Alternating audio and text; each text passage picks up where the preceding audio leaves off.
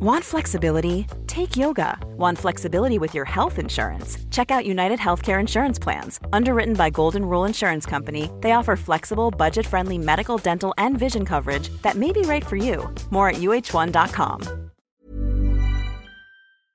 Sportbladets Premier League-podd sponsras av 1X2.se.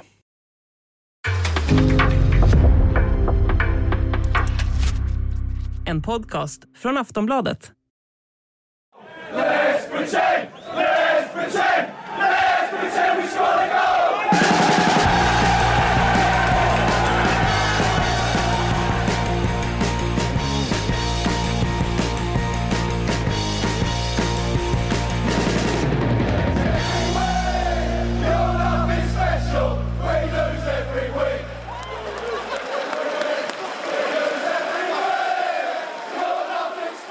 Sportbladets Premier League-podd, det är måndag förmiddag, vi har en eh, omgång bakom oss, eh, inte så mycket framför oss, ehm, för nu går vi på lite eh, vinterledighet Frida, vinterlov. Det är ju märkligt. Ja, otroligt konstigt. Ska vi vara lediga nu alltså? Hur, Jag vet hur inte. gör man då? Alltså vi, nu har vi ju en deadline, vi har ju en deadline day nästa måndag, eh, så att vi- den här, just den här lilla redaktionen kommer ägna sig åt, eh, åt silly season nästa måndag i första hand. Eh, så det kan vi väl vara, vara, vara tydliga med att eh, det är det det kommer handla om eh, då. Eh, sen så eh, blir det lite fa Cup fotboll hinner vi med det eh, till nästa gång? Vi får se, vi får ihop något i alla Vi fall. kan ju börja med den här gången innan vi börjar planera, börja avsnittet och planera nästa avsnitt. Ja, men bara så att lys- lyssnarna är med, eh, att eh, det är lite stökigt framöver här eh, med att det helt enkelt är ett, ett vinteruppehåll. Fast det är ju i- landslagsuppehåll. Det är ju landslagsuppehåll såklart. För icke-europeiska länder är det väl primärt? Eller? Är det några europeiska matcher också? Ehm, det vet jag inte, men de flesta Premier League-lagen i alla fall ska åka på någon slags träningsläger nu. Um, gissa vart Newcastle ska? Algarve. Nej, Nej, jag, De ska till Saudiarabien ja, såklart. såklart de ska, jag driver måste ju på bara. PR-turnering nu. ja, precis. Jag vet inte vart de olika lagen ska, ska faktiskt, men, eh, men de flesta ska väl iväg på olika, olika träningsläger och, och sådär. Vänta in lite afrikanska spelare också. Eh, ge dem ordentligt med massage när de kommer hem så att de är fit for fight eh, tills ligan startar upp i, i februari igen. Eh, vi har eh, ett gäng matcher såklart att eh, ta oss igenom. Eh, vi eh, kommer såklart eh, prata lite grann om eh, Victor Nilsson Lindelöf, det som har hänt honom eh, under förra veckan. Men vi, vi tar det när vi kommer till eh, Uniteds match och börjar på, på eh, Stamford Bridge. Eh, där det var match igår Frida och du var där.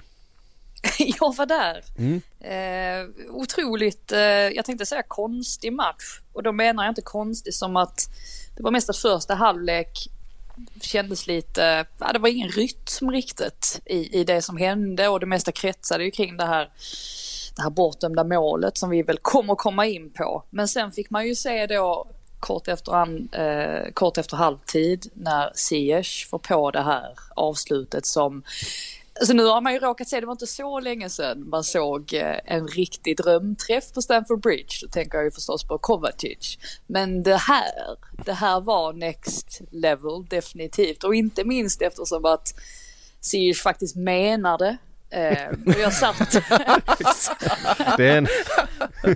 och jag satt precis, jag hade, alltså jag hade perfekt vinkel, satt liksom snett bakom, eh, kanske två rader upp från bänken.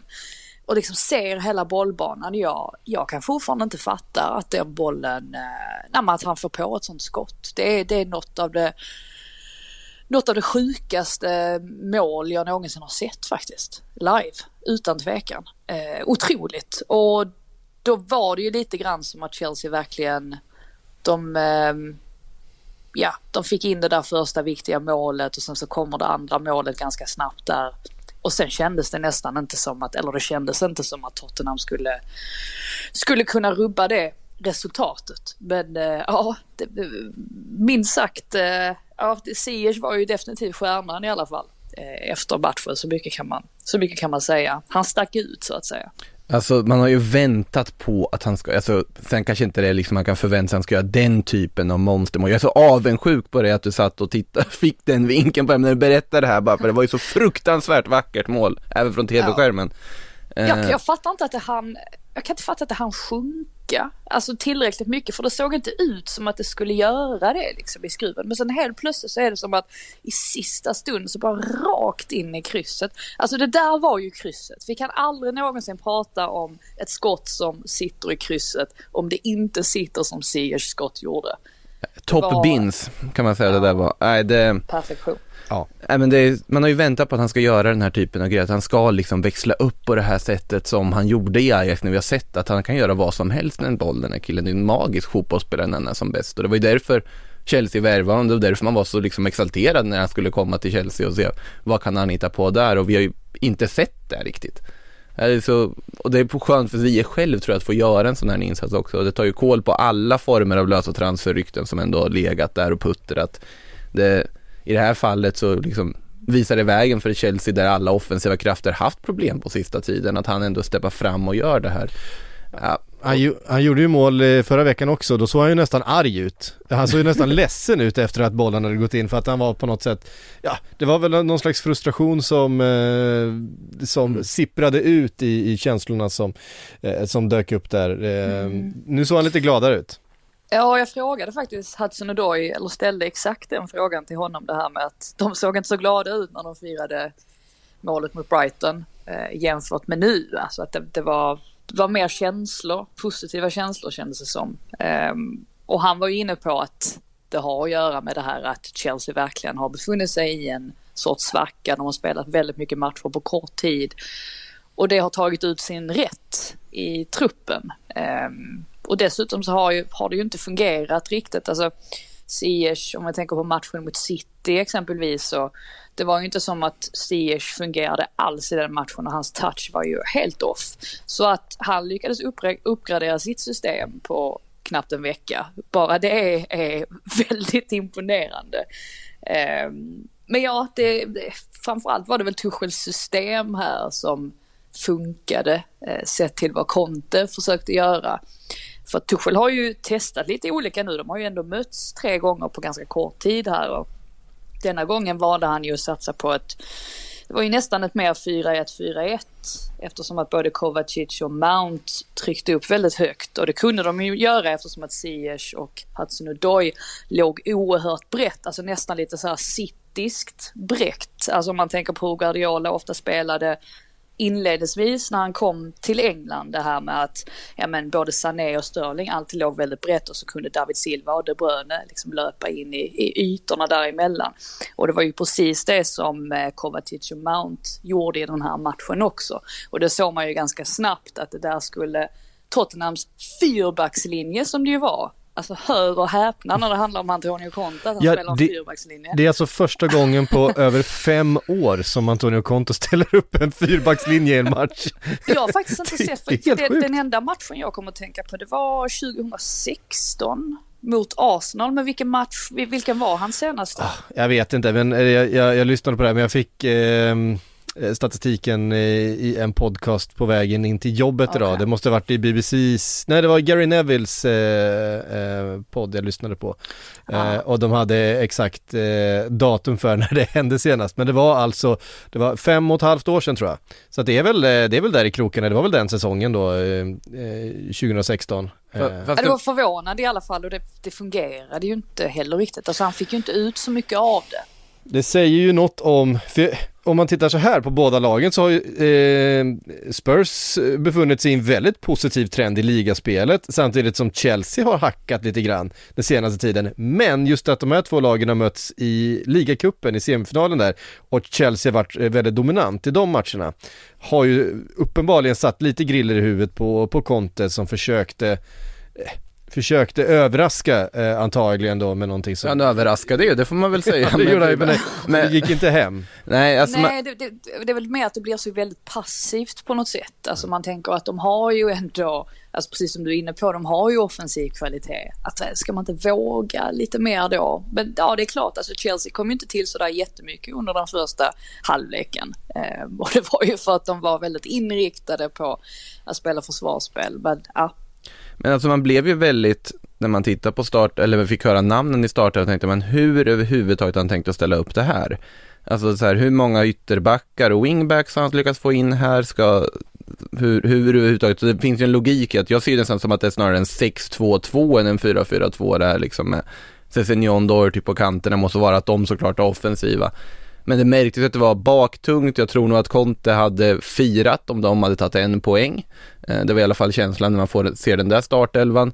Och sen är det ju så här, alltså ja, de, de skapar ju för lite. Harry Kane har väl, har ju den där superchansen när man kan diskutera om man borde fått frispark mot sig eller inte.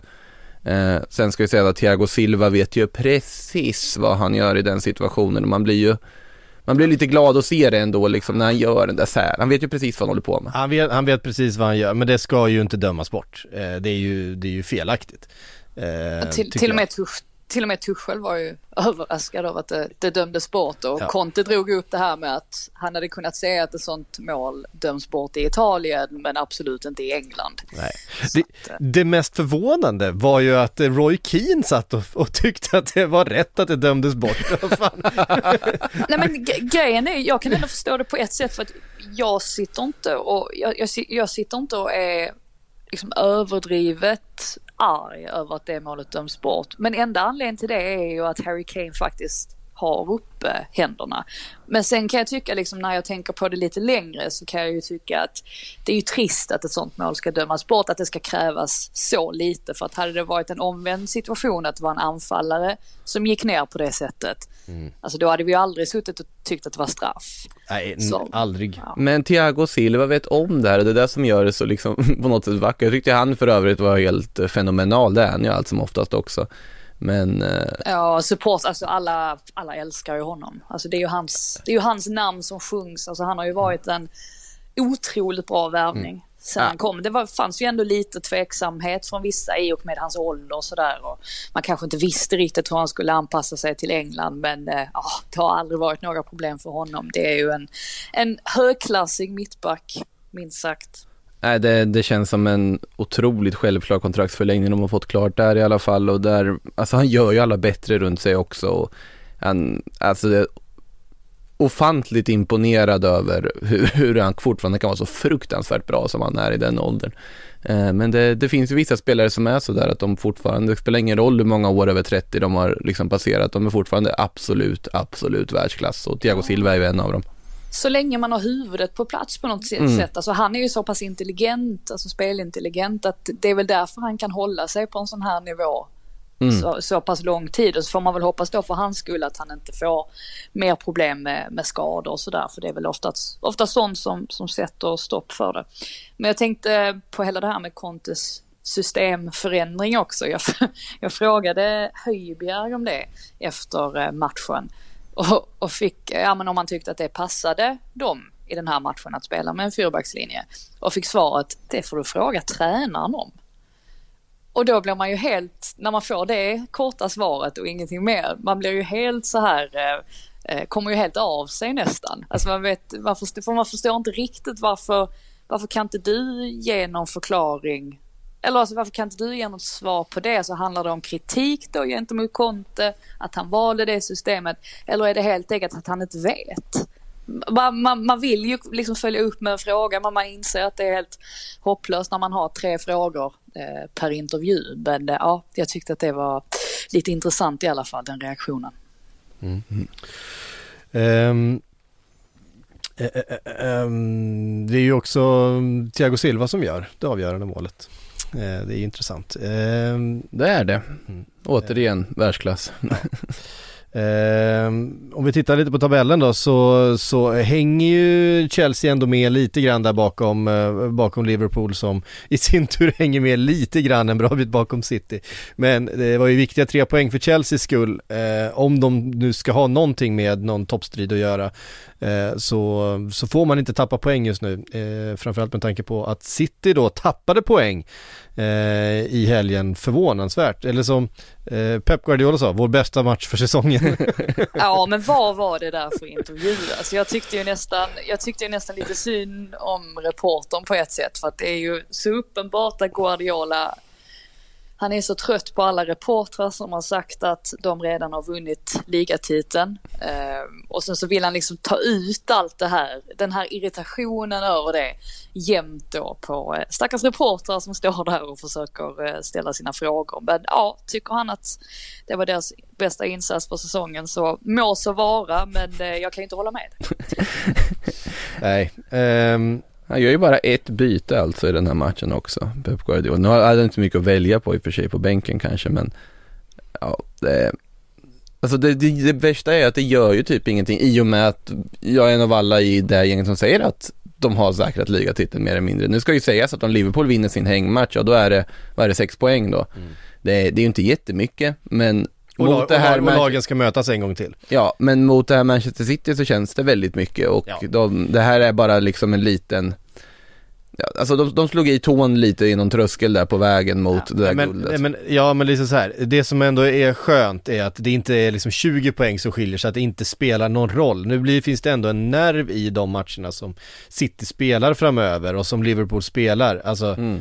Eh, även, om, även om chanserna är, är väldigt små, så så länge det finns en chans så finns det en nerv och då, då blir, finns det liksom en betydelse i att, eh, att kolla på de här matcherna. det och- finns en mening med det vi gör de, här. De, de, ja men precis, de måste ändå, de måste kliva ut och göra jobbet City eh, fortfarande. Eh, det gjorde de ja. inte riktigt. Sen, vi måste hylla Kyle Walker Peters, vilket mål! Ja, precis. Jag tänkte precis säga att, eh, att Southampton kämpade ju verkligen till sig den här poängen och, Ja. och inledde ju inte minst då med att Walker Peters gör det här målet som såg ut som att vara ett mål från en striker som gör sådär 20 mål per säsong. Walker Peters har aldrig gjort ett Premier League-mål någonsin. Hur ska han kunna toppa det här undrar man ju. Nej, Ja, det, är, det är en bra fråga men eh, vi har varit in, alltså han, han, han är ju en fenomenal fotbollsspelare. Förra säsongen framförallt var han ju eh, enormt bra, en av ligans allra bästa ytterbackar. Sen så eh, åkte han väl på en skada va? Hur var det? Jo, han Eh, var väl borta ett tag där ju. han var borta ganska länge va? Han har nästan Eh, skadebekymmer. Mm. Eh, Men det där, ja, det var klass rakt igenom och bara smälla in den i bortre stolpen på det där sättet. Det, eh, det var vackert. Sen så hade ju City en del, eh, en del bra chanser såklart och, och mm, eh, det Lite måste man ju, kontroversiella saker också ja, li, li, lite, lite, lite var och lite, eh, alltså om du ska ta en poäng mot Manchester City så måste ju allting gå med dig. Det, så är det ju, speciellt om man är liksom Southampton.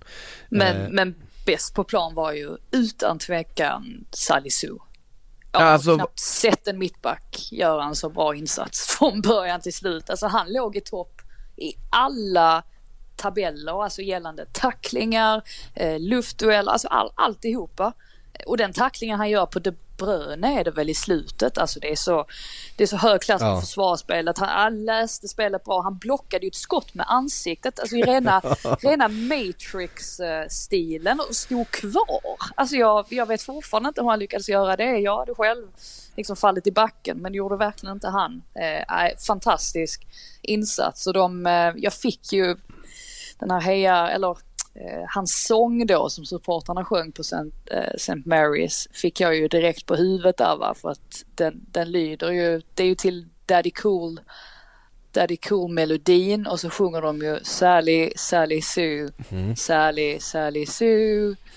Jag vet inte, den klingar ganska bra. Det, det, det låter bra. Det Det är låter bra. att, det är svårt det- att få ur den ur fortfarande- huvudet när man väl har börjat nynna på den. Så. Det är, fortfarande, det är fortfarande så att det är Harry Kewell som ska sjungas till den melodin och inget annat. Nej men sluta, Sally Harry, Harry Det här passar ju, passar ju mycket bättre ju. Sally, Sue. Men det spelar ingen roll. Det spelar Alltså, roll. men om man, om man, bort, om man bortser från just liksom hur passande han är i en ramsa så alltså det har, han har ju varit lite upp och ner sedan han kom till Southampton, det får man ju ändå säga. Det har varit vissa matcher han har varit lite sådär, men så här, och ibland har man sett liksom glimtarna av, av hur bra han faktiskt är. Det här är ju en jättehypad mittback när han var i Spanien i Valladolid. Det var ju, pratades ju med stora klubbar att Atletico ville värva honom och allt möjligt. Men sen valde han Southampton och det var liksom det var ändå en process att komma in i den startelvan och jobbat sig upp och det är så otroligt roligt att se att han gör den här typen av insatser. Att det är en riktigt bra mittback och som jag vet att jag sa där när han värvades att det här är en kanonvärvning under radarn så att eh, kul att se att det blommar ut. Ja, precis som du säger, så det är väl det här att han har en tendens att vara lite för, eh, eh, nästan som att han är lite för hyper ibland. Att han är, ja, Mm. lite på det sättet. Men här passade det väldigt bra i just den här matchbilden. Där man faktiskt behövde vara lite hyper för att sätta stopp för City. Och, ja, det, det gjorde de ju. Sen är ju frågan där med Armstrongs stämpling på Laporte. Eh, ja, om det skulle vara ett rött kort. Nu blev det ju inte det. Eh, tycker väl nästan att det är en sån där situation som ser bättre ut i slow motion på något sätt. När man ser det igen. Ja, det, det, var, den, alltså, det, det är som att man ser det i, slow motion så eh, det ser inte lika våldsamt ut. För man, Nej, man får och inte sen upp, ser man, uppfattningen om, om hastigheten in på något sätt. nej. Eh, Och så ser man bilden på Laportes lår sen efter Mhm. matchen att det liksom är dobb, dobbavtryck i låret. Då, då tänker man att det var nog värre än vad det kunde, nog, kunde nog varit rött kort ja. Eh, absolut, men eh, tappade poäng för City och det öppnade ju dörren då lite grann för Liverpool att, eh, som vi var inne på, knappa in eh, på Sellers Park eh, mot Crystal Palace, svårspelade Crystal Palace. Eh, Vilket rån.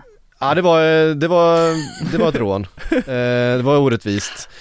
Å andra sidan, Liverpool var superdominant i en halvtimme. Eh, hade allt egentligen och skapade målchanser och då såg det ut som en sån där walk in the park-seger. 2-0 efter en halvtimme. Kunde varit mer, alltså det var ju helt dominant första 30 tyckte jag. Ja, eh, slog av på takten lite grann och började, såg lite nonchalant, det där har vi sett förut. Eh, med, inte bara Liverpool såklart, men kanske, kanske framförallt Liverpool den här senaste säsongen när man Jaha, det är en sån här dag.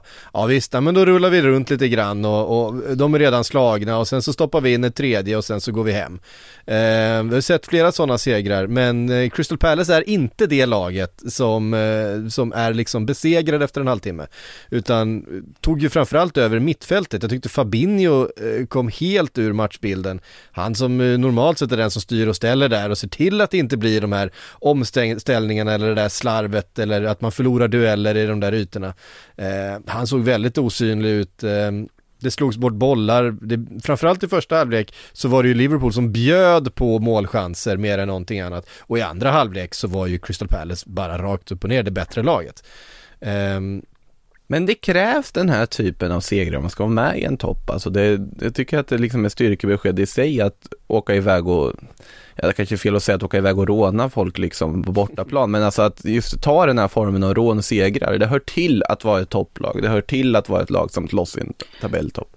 Sen, sen är det ju inte svårt att straffa den där backlinjen. Alltså om man bara gör det, om man bara angriper den på rätt sätt. För att de droppar ju aldrig. Nej. Och har man då spelare som kan springa in bakom liksom Pallas faktiskt har. Ja då, då finns det ju möjligheter att, att få in de där målen. Men det handlar, det, det, det handlar om eh, eh, mittfältet. För att om mittfältet gör det jobbet som, som eh, de är upp, upp, deras uppgift är att se till att den bollen aldrig ska kunna slås. Därför att det ska vara så trångt på mittfältet så du får aldrig titta upp och, och, och slå den passningen med precision. Eh, det, det är det som är den stora bristen här. Eh, Hela systemet bygger på att du har ett mittfält som alltid skaver, som aldrig ger motståndaren möjlighet att slå den där passningen. Ehm, Sen skulle ju inte, alltså 2-0 målet skulle ju inte ha stått. Och 3-1 straffen, ja det, det var ju inte straff. Alltså, så att det, det- är ju två, två av tre mål kan man ju faktiskt ifrågasätta. Det kan man göra. Andra målet, eh, det är klart att, ehm, ja. Ehm, Alltså den, alltså straffen i slow motion, det, det, liksom, det måste ju gått, för det var ju långsamt som bara den liksom IRL på den situationen, alltså, ja, precis. det, Nej, det är inte straff. nej men hur, hur blir det straff? Alltså hur kommer man fram till ett sånt beslut? Det, det kan man, Alltså så här, ehm, om man är domare som inte eh, har spelat fotboll själv kanske, som har en regelbok framför sig. Det är ju så, eh, målvakten kommer ut, är aldrig i närheten av bollen, det är kontakt med forwarden, forwarden ramlar. Eh, om man, om man så här bryter ner det, om man inte tittar på situationen utan bara bryter ner det i de beståndsdelarna, ja, då kan en domare eh, blåsa straff. Men bara för att de här beståndsdelarna finns i en situation betyder det ju inte att det ska vara straff för det.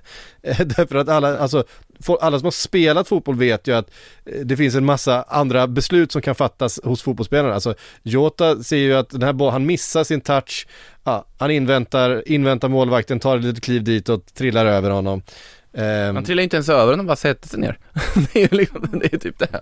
Alltså Äh, kont- kontakt innebär ju inte per automatik straff. Nej, Och det, är nej, lite nej. där vi, det är lite där vi har hamnat nu känns det ju som att det räcker med lite kontakt och så, och så får man det, det med sig. Och så ska det ju inte vara riktigt. Mm. Um, vad gäller det andra målet ska man kanske också klargöra alltså att, att, det, att det är Firmino som står offside och det är därför det målet borde dömas bort eftersom att eh, Mitchell är det väl som går upp och markerar honom och släpper ju i sin tur också Chamberlain. Bara för klargöra för de som inte har hängt med.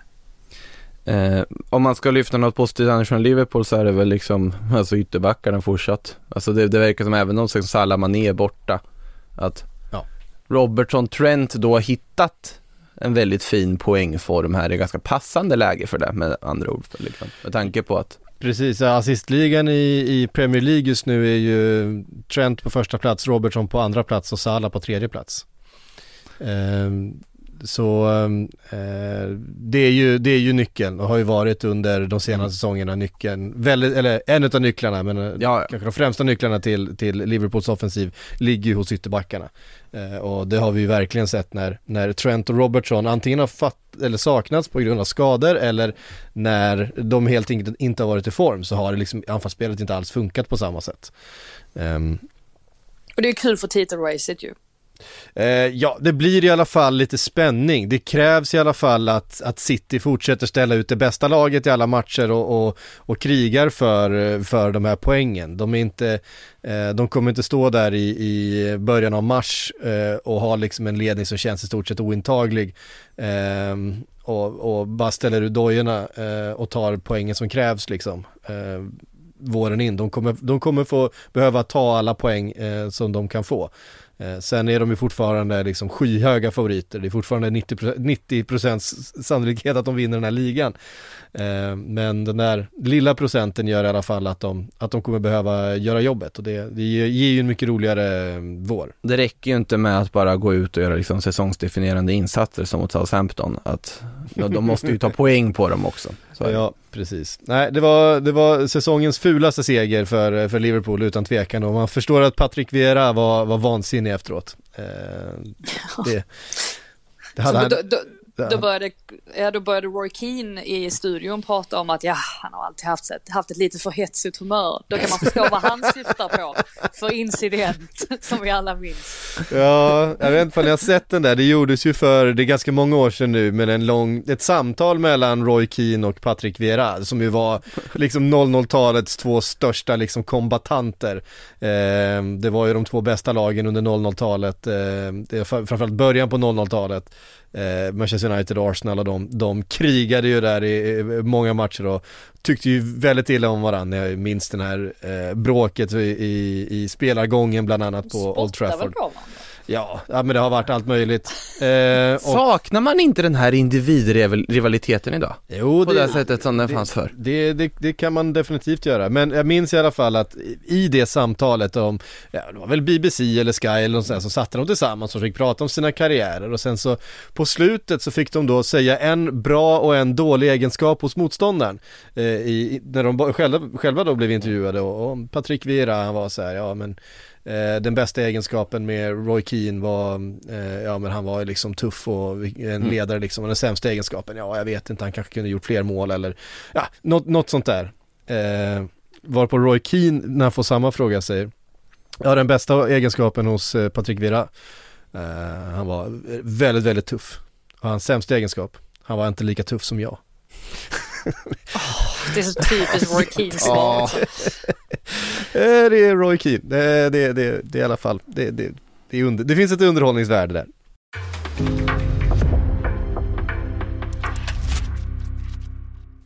Sportbladets Premier League-podd är sponsrat den här veckan eh, utav 1X2.se och i vanlig ordning då, Andreas Nord, välkommen! Tackar, tackar Patrik. Hur eh, kändes det mot eh, Crystal Palace där? Var det lite svettigt eller? Ja men det var lite svettigt och det kändes kanske inte helt, eh, helt rättvist i slutändan men man får ta sådana, sådana segrar tar man också så att säga. Det är lite, det är lite landslagsuppehåll för vissa, det är lite speluppehåll och lite träningsläger nu så vad ska man göra då på 1, kryss 2 föreslår du? Jag tycker till att börja med att man ska besöka hemsidan, för vi delar ju fortsatt speltips ändå, även fast de stora ligorna är lite på paus just nu. Sen kan man ju alltid gå in på twitch.tv slash 1X2SC. Vi sänder ju live tisdagar, onsdagar, torsdagar, lördagar och söndagar, så vi är live nästan varje dag där. Mm, ja men du ser, och sen får man ju då lite koll på annat som händer. Man kan ju behöva lite hjälp och, och stöttning i att hitta, hitta annan eh, fotboll och sport och, och kolla på. Och missa som sagt inte Twitch-sändningarna heller då. Så in och besök Andreas och hans kollegor på 1X2.se. Eh, med det så tar vi oss då från eh, Sellers Park till eh, Old Trafford och eh, Fergie målet, verkligen det sista som hände i matchen. Marcus Rashford fick avgöra och ta tre poäng för Manchester United. Det var, eh, det var viktigt för laget, det var viktigt för topp 4-striden, men det var kanske allra viktigast för Marcus Rashford själv. Ole Gunnar eh, Rashford. Det börjar bli lite den varningen här va? Ja precis, super sub.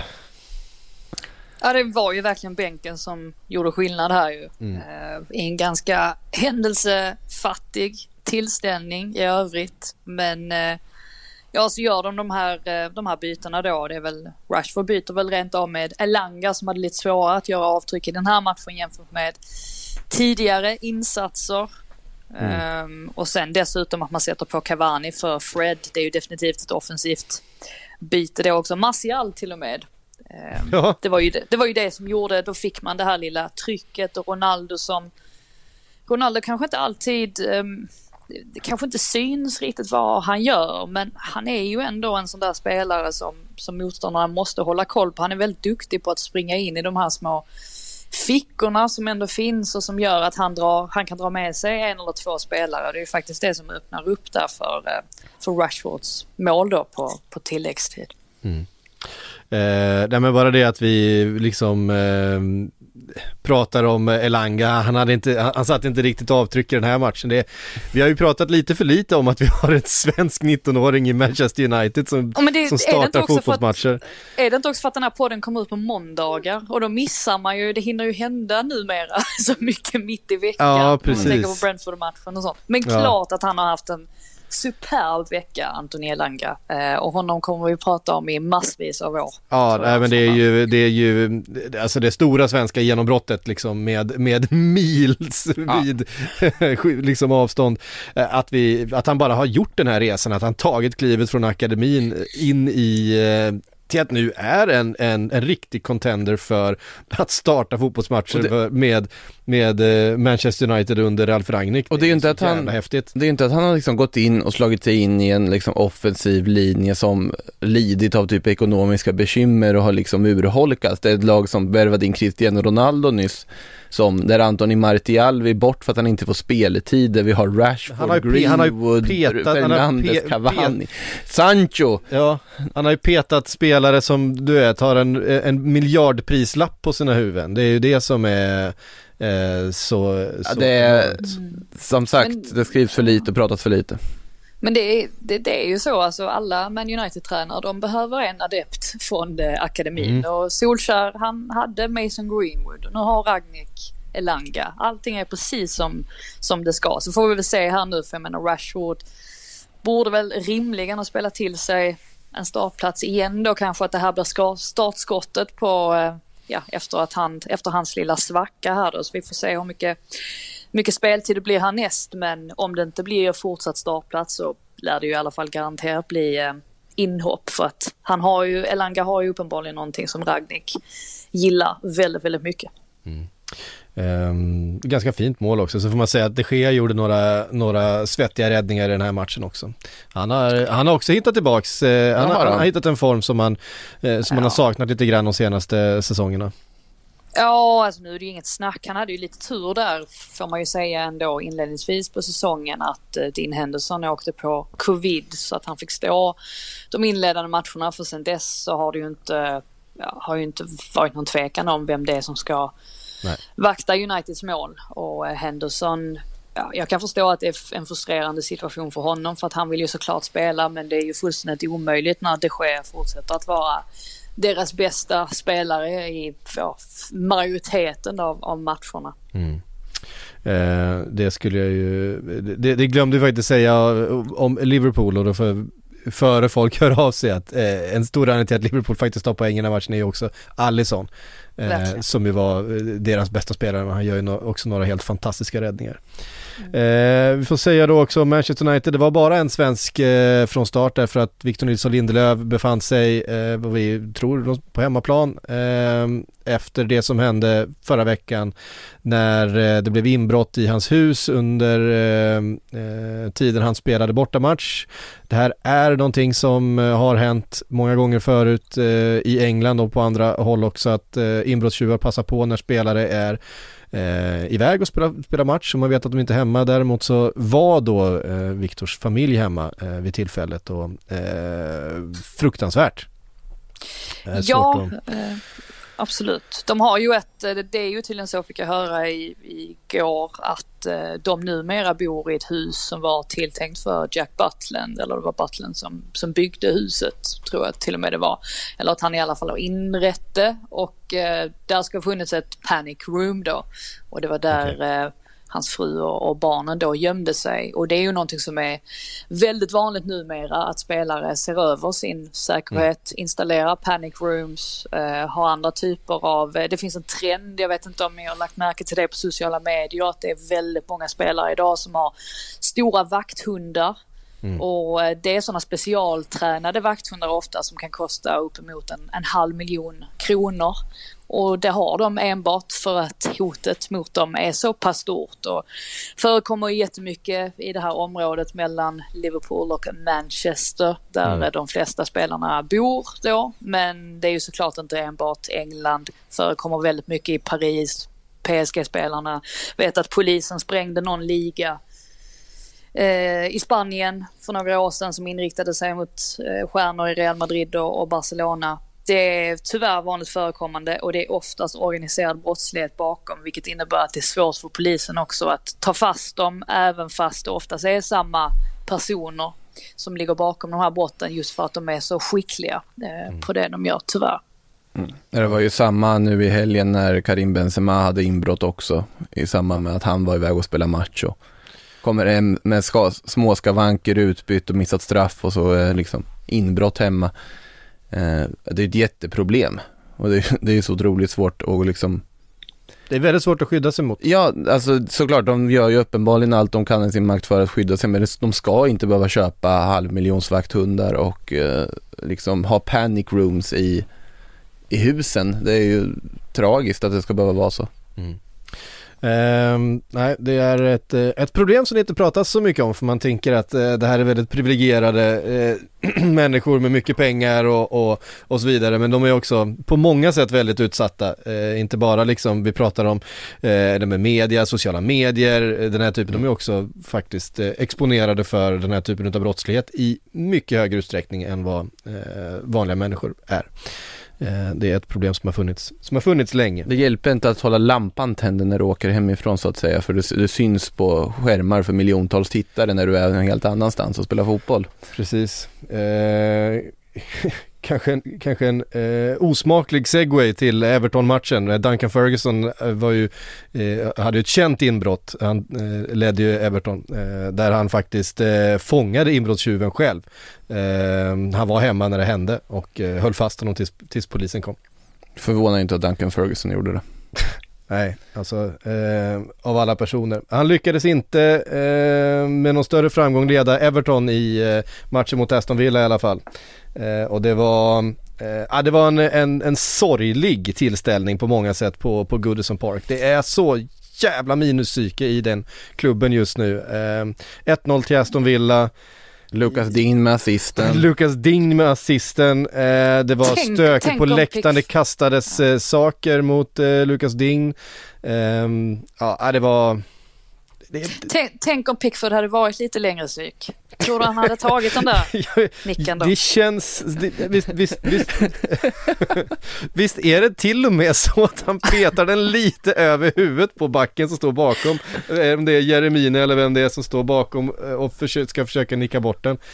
Eh, Han får ju finger, fingertopparna på den, eh, Pickford, och det, jag vet inte för det, det, är svårt att, det är svårt att avgöra på bollbanan men Nej, det- den som, ska, den som ska hängas här är ju faktiskt Richarlison som inte följer med Ja. Buendia i den löpningen. Han det är en fin nick, det är en jättefin. Det är en jättefin nick, men han, det, blir, det går ju lite för lätt för honom också. Mm. Särskilt med några Absolut. sekunder, sekunder kvar första halvlek. Hade de bara lyckats hålla det till 0-0 där i halvtid så hade de ju kunnat gå ut i andra halvlek med en betydligt skönare känsla i kroppen. Det är ju, det är ju lite eh, liksom talande för Evertons situation just nu att även på Premier Leagues egen hemsida så är Lucas Ding king of the match för Aston Villa i, eh, bara en vecka efter att han lämnat eh, Everton. Ehm, ja, Tyckte, alltså- ändå att det, tyckte ändå att det inleddes, alltså, tyckte ändå att man såg på vissa spelare att de ändå höjde sig. Alltså Ducouré var en sån som såg mer ut som sig själv än, än tidigare fram tills han klev av skadad och sen kom ju Gordon in där istället för Townsend. Tyckte att det var en uppgradering och de fick ju lite tryck där, Everton. de såg faktiskt ganska bra ut i andra halvlek. Eh, Ja, men precis. Men, men lyckas ju inte få in något mål då när de väl har trycket. Och, och det är ju det som gör i slutändan då att, att man inte får med sig någonting i den här matchen heller, får man säga. För att det börjar bli många sådana för, för Evertons del. Vi fick en rolig bild i alla fall när Gordon sprang bredvid Ramsey där. I, jag vet inte om ni har sett Nej, den? det har jag inte sett. Nej men alltså Gordon Ramsey. Jaha, just det, Gordon vi, vi Ramsay. går vidare, vi går vidare. Vi, går, vi, vi rör oss vidare. Jag tycker eh, på en, en fotbollsaspekt, eh, som en mindre matreferens, eh, så tycker jag ju verkligen att eh, Coutinho och Buendia fungerar väldigt bra ihop. Eh, och särskilt eftersom de båda är spelare som gillar att ligga nära strikern och det är så Villa spelar under Gerard i den här Djurgårdsformationen. Så att eh, det hade man väl på känn att Coutinho möjligtvis skulle kunna gå in bra i, i, eh, i Villa och eh, det gör han ju också.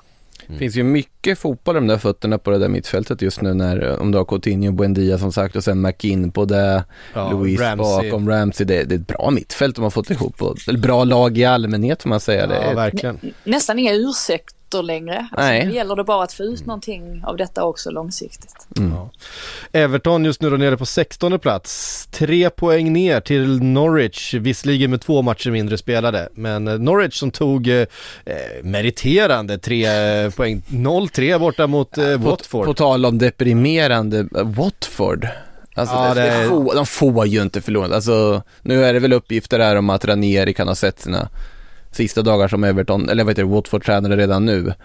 Eh, vet inte ens om det är officiellt eller hur långt det har kommit exakt i sittande stund här. Men eh, någonting måste de göra på något sätt. Det, det får ju inte ske. Det får ju inte bli så här. De brukar ju vilja ha en ny manager på plats innan de eh, sparkar den gamla. Så att jag antar att det är det de sitter och väntar på. Man kan ju inte bara in, byta tränare hur ofta som Jo, men in, in med, det är dags för Kiken nu igen. Han kommer ju sådär var tredje år. Vad gör Nigel Pearson nu för tiden? Alltså... Ja, nej men man blir, man blir så trött på Watford Ja, men det, alltså, det är ju så här de jobbar. Jo, precis. Problemet är ju att det har ju varit framgångsrikt för dem att byta manager så här frekvent. Att de lyckades hålla sig kvar i Premier League ändå ett par säsonger och sådär.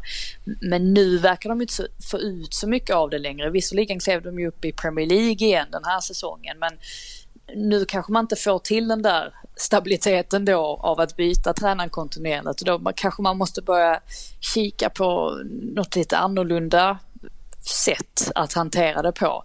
Eh, det, ja, det, det blir ju, jag tror till och med det var Ranieri själv som sa det för någon vecka sedan då efter att Benitez hade fått lämna att ja, ja, jag är från Italien, där eh, byter man tränare som, som man käkar glass liksom. Alltså, eh, ja, ungefär så. Så att han är ju, han är säkert förberedd på vad som komma skall eftersom att det är en italiensk styrd klubb. Men eh, nej, det har ju inte riktigt gått som gått som det var tänkt. Eh, däremot så måste jag ju säga någonting om eh, Josh Sargent här eftersom att jag sågade honom vid fotknölarna för vad var det, tre, fyra veckor sedan och påstod att han inte hade, jo, jag sa faktiskt att det han hade, det var bra inställning, god attityd, sa jag. Det är ju en sågning i sig. Han vill väl. Ja, Precis, men sen menade jag på att han saknade all andra, alltså han inte hade någon spetsegenskap överhuvudtaget. Kanske är hans spetskvalitet nu skorpionavslut om vi tänker på ja det hans första mål är, där. det är fan, alltså det är också den där liksom bågen som bollen tar in i mål. Eh, så, alltså det är ju bara tur såklart men, men det, det, det blir något extra retfullt över hur, hur bollen liksom bågar sig i, i en eh, lobb in i mål. Mm. Och sen fullpumpad med självförtroende och så bara krigar in den där nicken till 2-0. Det var ju lite mer Josh Sargent över det målet kan jag tycka. Alltså av, man har, av vad man har sett av honom. Men jag är, jag är glad för hans skull. Men Eh, Det är alltid kul när, alltid kul när det går bra för någon som eh, har fått uh, utstå ganska mycket kritik. Men apropå Josh Sargent måste man ju ställa frågan, vad tycker ni om det som hände efter slutsignalen? Alltså för George Sargent då har gjort två mål och vill ju då ta matchbollen. Som, alltså så här, liksom, som, som folk gör när de tar ett hattrick. Ja precis. Men domarna vägrade ge honom den. ja, det ska de ju göra. Nej men jag, jag, så här, jag, jag, jag, jag, jag tycker, Du är på domarnas sida här. Jag är Ja, men jag, nej, men här, här är jag liksom, för det här har man sett också att många reagerar på, men nu får du ge dig, du kan inte ta matchbollen när du har liksom gjort två mål, vad håller du på med? Så här, Norwich borde åka ur bara för den här anledningen, var någon som George, det. ett George Sargent hattrick Nej, i ja, två men, mål. ja men alltså, alltså Ja, men jag, det är väl, inte, blir inte det lite pinsamt eller? Jo. jag kan känna så här, det var hans första Premier League-mål. Han, han, Ja, men vi, han har vi haft vi så kan inte vara mycket, för snälla, vi kan inte vara för ja snälla. men ge, ge Ja, men jag kan- jag kan- bollen. Okej, jag, fan, okej, han kan väl få bollen. Ja men samtidigt så här, det var väl vissa spelare också som bara liksom, men, men vad gör du Josh? Du kan inte ta bollen när du har gjort två mål. Nej. Men, men han är ju han menar- amerikan, han kanske tror att det är två mål. De Ja. brukar ju ha lite svårt Han med- kanske tror att man bara kan, ja, det är som med baseball liksom, att man, man får bara Min första homerun-boll. Har man, fångat, om man fångat bollen får man ta med sig den hem.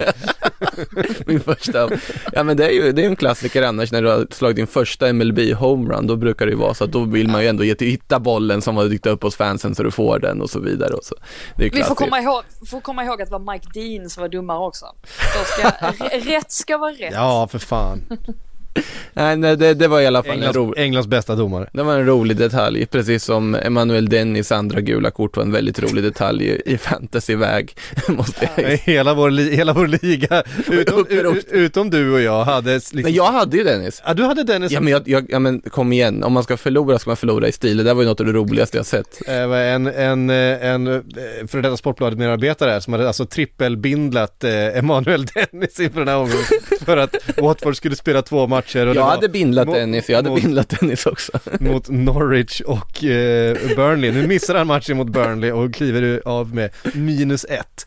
Eh, Det vill säga minus tre om du har trippelkaptenat honom. eh, minu, minus tre. Hur kan man inte se det roliga i det liksom? Det, det var, det var totalt, det var liksom, så här, folk var ju i upprorstillstånd i den där chatten. Det var otroligt underhållande. Ja, det var, det var Kan kan ju inte bli värre heller för Watford att släppa in ett, ett självmål sen liksom i slutet. Det är väl, det är väl Idas, Idas inlägg där eh, som Kutska snöpligt eh, trycker in. Men ja, det var liksom eh, körspöet på toppen där för, eh, för Watfords del.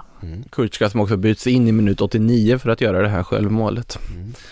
En annan detalj som, nej det, det är så bedrövligt. alltså en super, super eh, eh, viktiga poäng såklart i bottenstriden och, och eh, viktiga poäng eh, för Norwich och eh, viktiga tappade poäng eller eh, beklagliga poäng för, eh, för Watford som möter eh, Eh, nu ska vi se här, eh, Burnley som sagt i den där hängmatchen eh, som spelas redan den 5 februari. Den eh, kommer ju igång lite före. De har börjat knappa in nu. Tung pinne ändå borta mot Arsenal är det ju. Burnley ja. Ja. Och då, vi vet, de har ju matcher till godo så att eh, ehm, eh, ett, Everton till exempel måste ju börja vinna fotbollsmatcher här snart och ta lite poäng annars så kommer de på riktigt bli indragna i den där bottenstriden och det vore ju helt I sant. alla fall om Burnley börjar spela fotbollsmatcher, vilket de nu har börjat göra. Och Everton som då möter Newcastle i eh, nästa omgång. Newcastle som tog tre poäng mot Leeds. Eh, det såg man inte komma efter Leeds fina insats tidigare i veckan här men men eh, så blev det. Målet av John Joselvi, bara en sån sak. Ja, och Spelade det- man undan saker. Det var kanske inte hans bästa frispark i, i karriären men Nej, det var ju det var- verkligen hans bästa insats för säsongen. Alltså Mm. han var ju faktiskt, han var ju superb rakt igenom. Men Melier skulle ju Han skulle tagit ha den. gjort det bättre. Ja. Ja.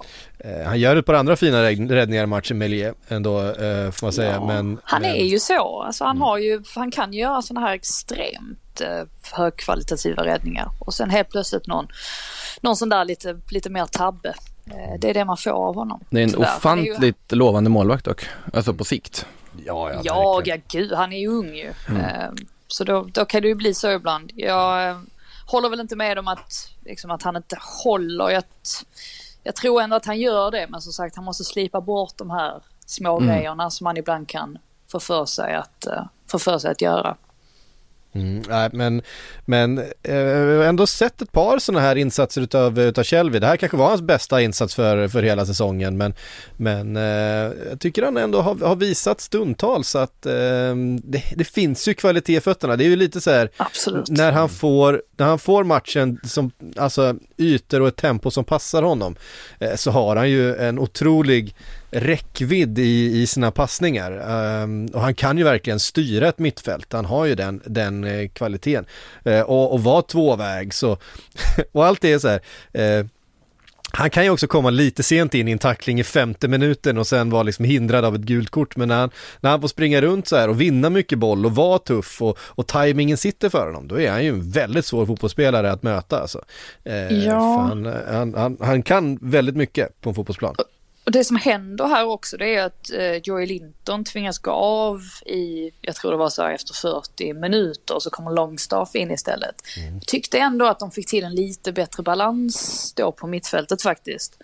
Eh, att, att det faktiskt kan ha gjort dem, gjort dem gott för att det var ju, det var ju där det kändes som om de lite grann liksom fick övertaget och så ihop det med att, tycker även när Mankio kommer in så är han också lite mer ja, men lite mer offensiv, han vågar gå på och dessutom då med Trippier som verkligen gör skillnad och ser ut att bli ett väldigt, väldigt bra köp för Newcastle. Det visste vi ju kanske på förhand att han skulle vara men han är väldigt involverad över hela planen och så ser man då hans kvaliteter. Fabian Schär som man har varit ganska hård mot rätt ofta tyckte att han var väldigt bra. Eh, och Sam Maximan, han kom ju med, lite mer till sin rätt där i andra halvlek. Eh, skulle kanske haft en straff också med sig. Så att, nej, det var ju oerhört viktigt för dem att få med sig de tre poängen. Och just det här att de faktiskt tar ledningen och behåller ledningen. Bara det är ju en stor sak för det här Newcastle. Mm. Ja, eh, otroligt viktiga poäng och lite momentum och sen e-, eventuellt då ett par nya spelare in. Eh, och sen ett litet uppehåll här eh, på, ett par, eh, på ett par veckor att eh, träna, för det har ju Eddie Howe inte haft så mycket tid att göra med det här laget att faktiskt eh, ha lite träningsdagar. Eh, Det är ju någonting som många tränare klagar mycket på att ja, vi hinner egentligen bara träna på försäsongen för att resten av säsongen så är det rehab och matchförberedelser. Och så hinner vi inte träna på någonting, vi hinner inte sätta några fasta situationer, vi hinner inte eh, spela ihop några eh, liksom andra tankar eller formationer eh, under säsongen. Men nu får man ju ändå den möjligheten och, och Eddie Howe är ju en tränare med idéer, en, en tränare med, med en, en riktig filosofi som han vill sätta i det här laget. Eh, vi kommer ju prata mer om om det är Sillypodden men eh, de vill ju ha in Jesse Lingard till exempel eh, som absolut kan eh, ha en enormt positiv inverkan på det här laget.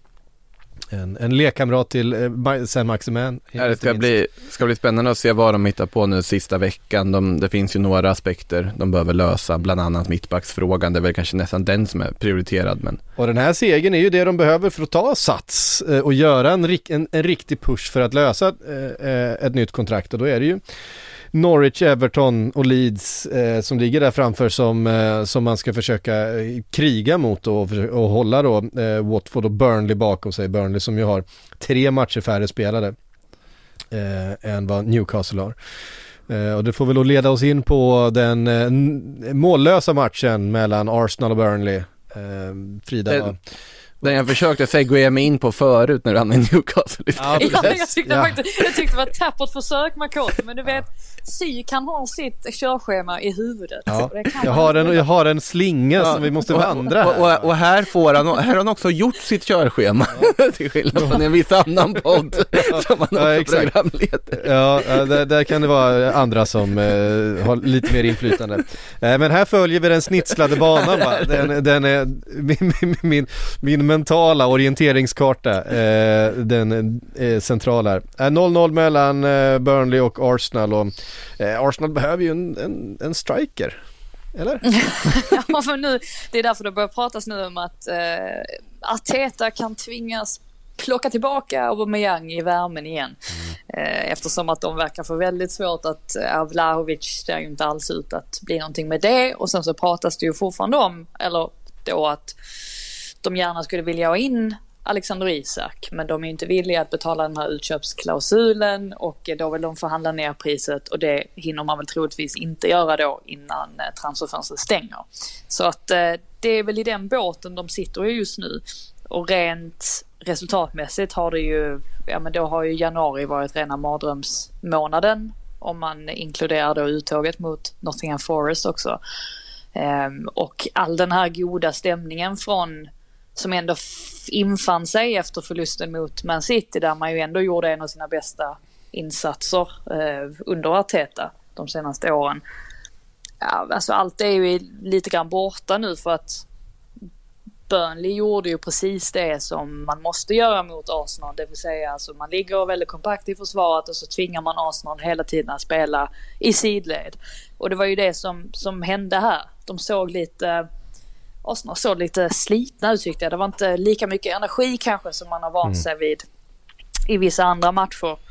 Och då blev det inget större problem för, för Burnley att hantera det där. Jag tyckte att deras balans var väldigt spot on och det är ju viktigt för dem nu när de ska försöka hänga kvar och, och plocka in de här poängen nu i, i alla hängmatcher som de har. Att just att de måste sätta defensiven och det har vi sett under säsongen att de inte alltid har gjort. Men här får de med sig, kämpar de till sig en poäng i alla fall och Arsenal, ja, det, det ser lite sådär uddlöst ut igen. Och så får man väl komma ihåg då att Thomas Partey stod för en Ja, det är helt sanslöst egentligen. Det är ju, det är just, det är väldigt mycket Arsenal över att först få fira att en av sina nyckelspelare kommer hem tidigare från Afrikanska mästerskapet. Eh, han är så pass dedikerad att han åker raka vägen från flygplatsen till hotellet där spelarna förbereder sig inför match.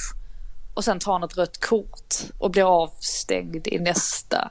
Det är, ja.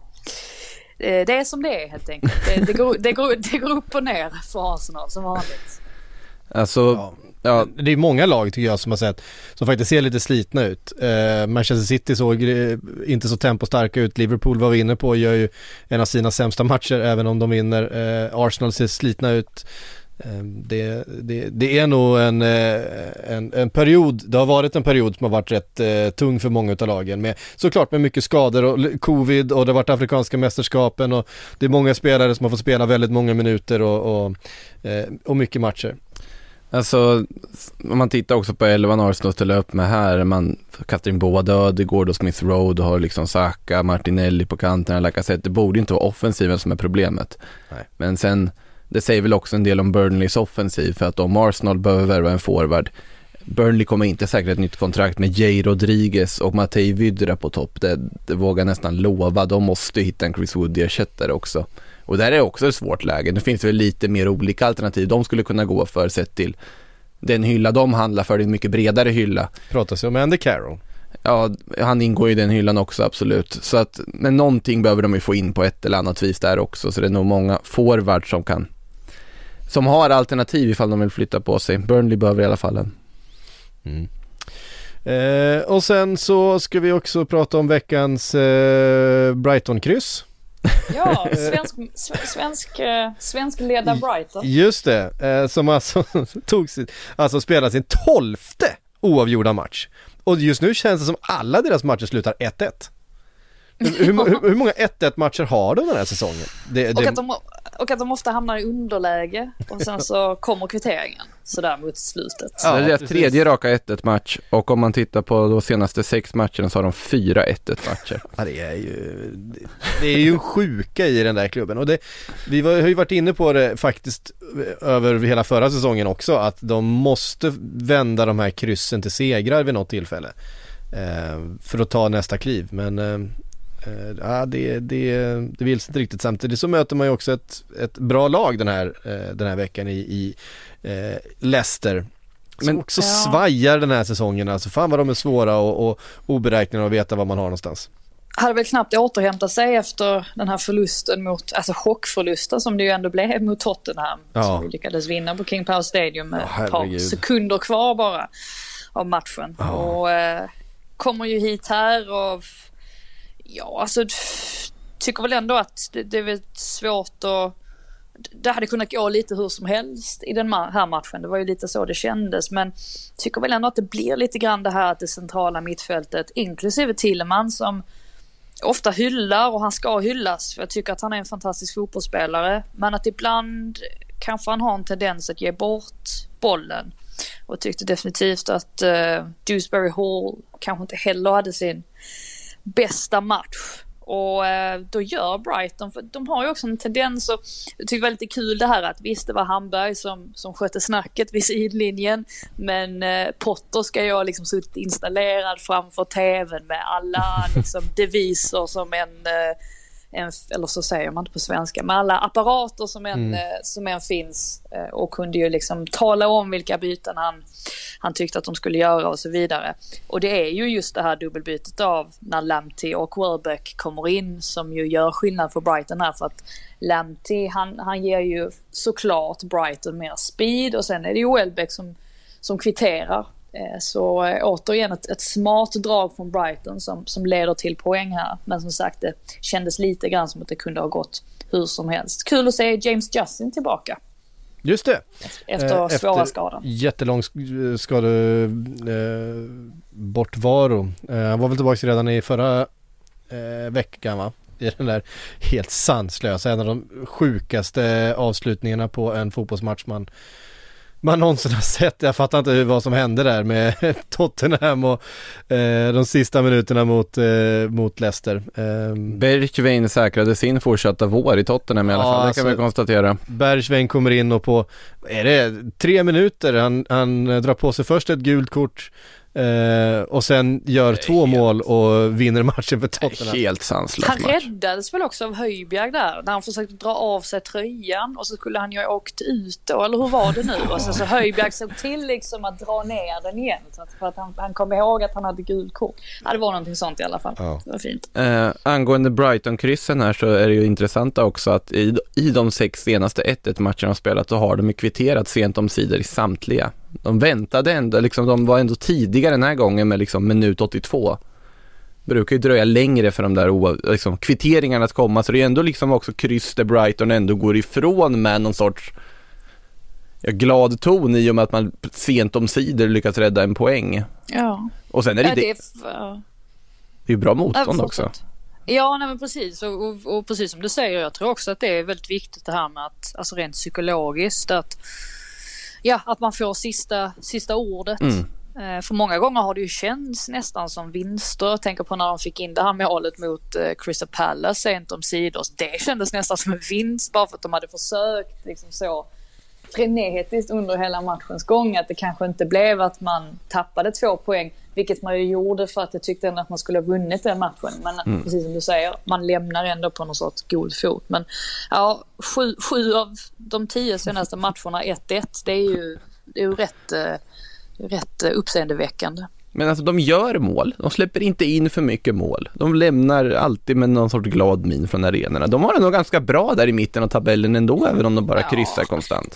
Alltså jag måste ju hylla Dan Burn, det har jag gjort hur många gånger som helst i den här podden. Får du göra fler gånger. Varit, ja, han har varit väldigt stabil på sistone. Jag tycker även att Adam Webster har varit väldigt bra. Så att just det här att det spelar liksom ingen roll känns det som hur många skador de än har i, i, i försvaret och vilka spelare de än säljer. De, de lyckas alltid eh, ersätta dem på, på något konstigt vis. Och det är väl mycket tack vare Potter kan man tänka sig.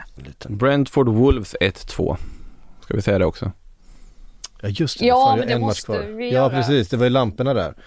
Eh, Lam, lamporna, det var ju drönare. Lamporna var i uh, Watford Norwich. ja det var lamporna i Watford Norwich, just det. Det var, det var drönaren där ja. Precis. Ja, det var bara en liten drönare som cirkulerade och skrämde slag på halva, eh, halva stan. Här är det ju, jag drogs direkt till minnet av eh, 2018, julen 2018, när det var en drönare ovanför Gatwick som gjorde att hela Gatwick stängdes ner och det blev ju totalt kaos för det var ju så här två dagar innan jul och folk skulle iväg och resa och så. Här tar man oerhört allvarligt på drönare. I Sverige är man lite mer sådär, hoppsan, en, en drönare. Undrar om det är ryssen som kommer.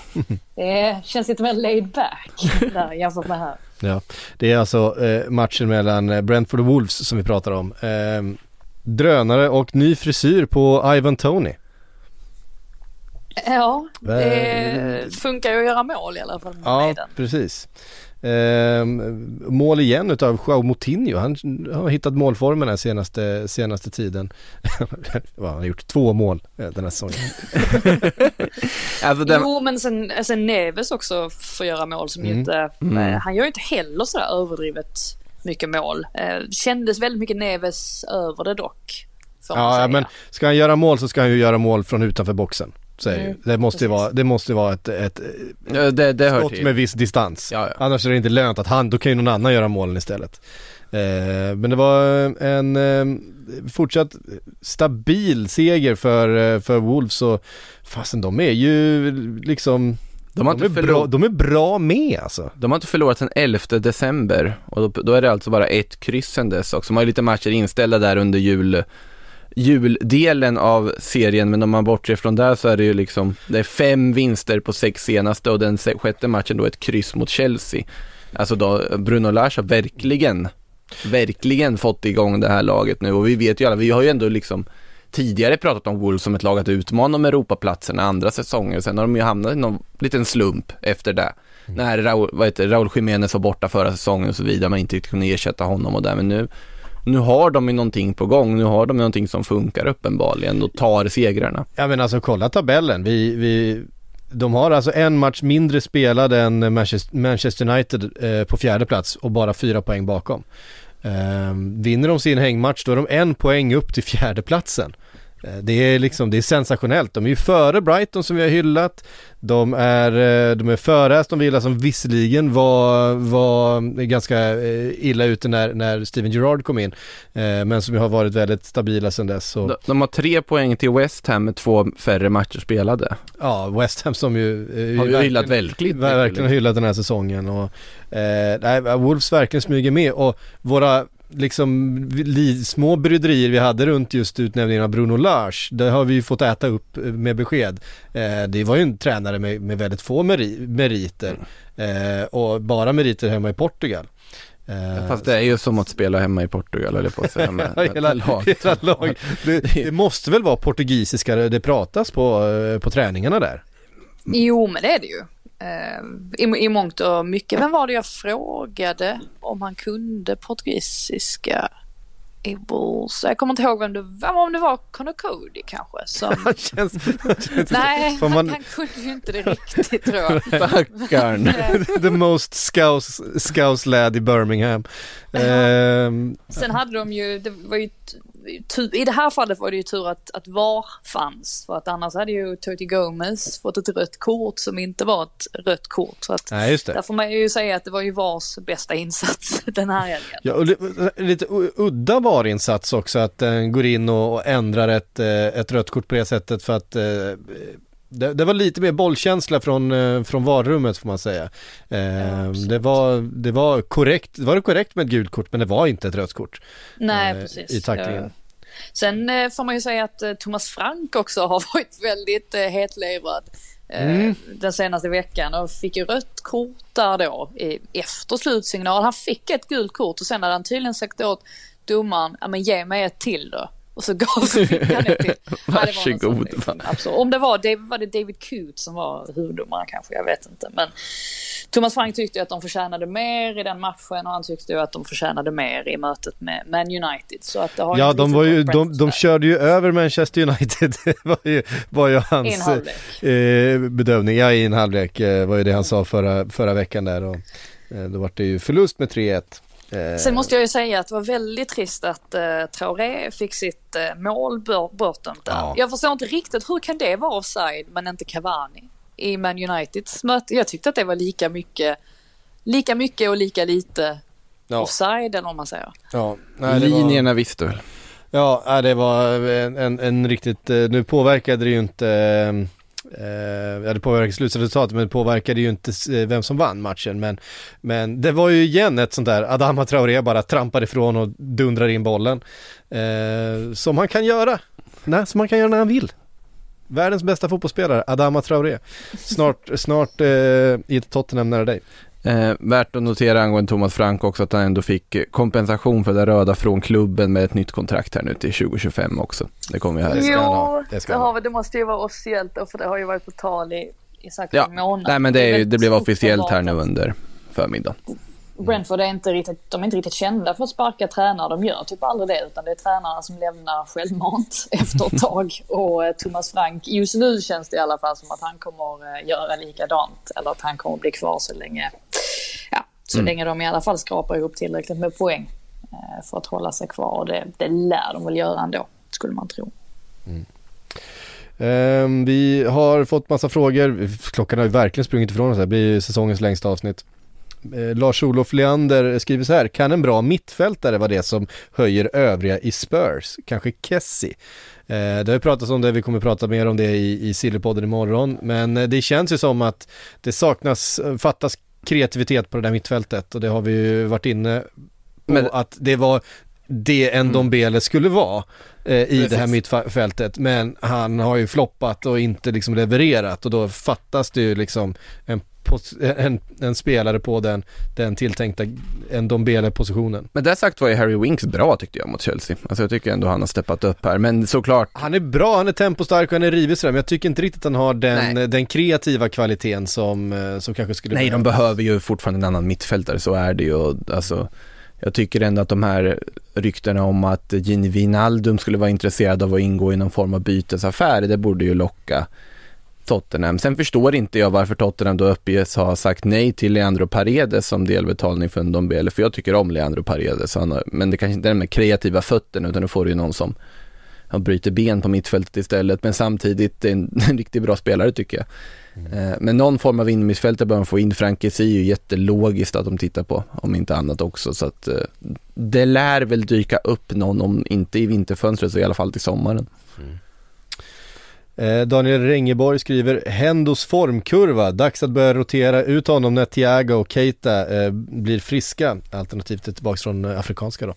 Eh, ja, nej, han har inte kanske haft sin allra starkaste period här nu eh, under vintern och eh, han såg väldigt trött ut framförallt i, i sitt pressspel. Ja, han springer Eh. mest och pekar tycker jag. Ja, men det är väl också lite, lite eh, symptom på att han eh, han hamnar själv lite fel i positionen, eh, vilket ju har varit hans absolut st- främsta styrka under, under Klopp och det som har gjort honom så bra är att han, att han har förstått den där rollen och utfört den eh, så väl i, i pressspelet, i hur man vinner boll och, och eh, hur man krymper ytorna på mittfältet där. Men nu, jag vet inte, för han, för han helt enkelt är lite trött.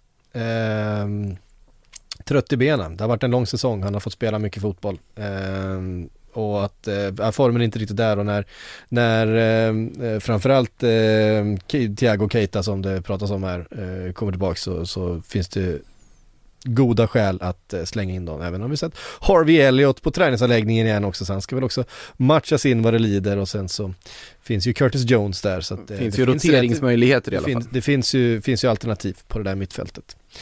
Ehm, så är det. Nu eh, hinner vi inte mer för idag. Sillypodden är eh, tillbaks imorgon igen. Nästa vecka är det som sagt deadline day och mer silly. Eh, vi har lite landslagsuppehåll men eh, Sportbladets Premier League-podd är tillbaks om eh, två veckor igen då. Eh, säger vi. Då har vi i alla fall en match att prata om. Vi får, vi får ägna, vi får ägna eh, en halvtimme åt eh, Burnley-Watford och sen så får vi eh, fylla på med övrigt som hänt. Kanske summera lite deadline eller lite silly, lite träningsuppehåll och så lite FA-cup förstås eh, är det väl också. Eh, med det säger vi på återhörande. Here's a cool fact. A crocodile can't stick out its tongue. Another cool fact. You can get short term health insurance for a month or just under a year in some states. United Healthcare short term insurance plans are designed for people who are between jobs, coming off their parents' plan, or turning a side hustle into a full time gig. Underwritten by Golden Rule Insurance Company, they offer flexible, budget friendly coverage with access to a nationwide network of doctors and hospitals. Get more cool facts about United Healthcare short term plans at uh1.com. Härifrån.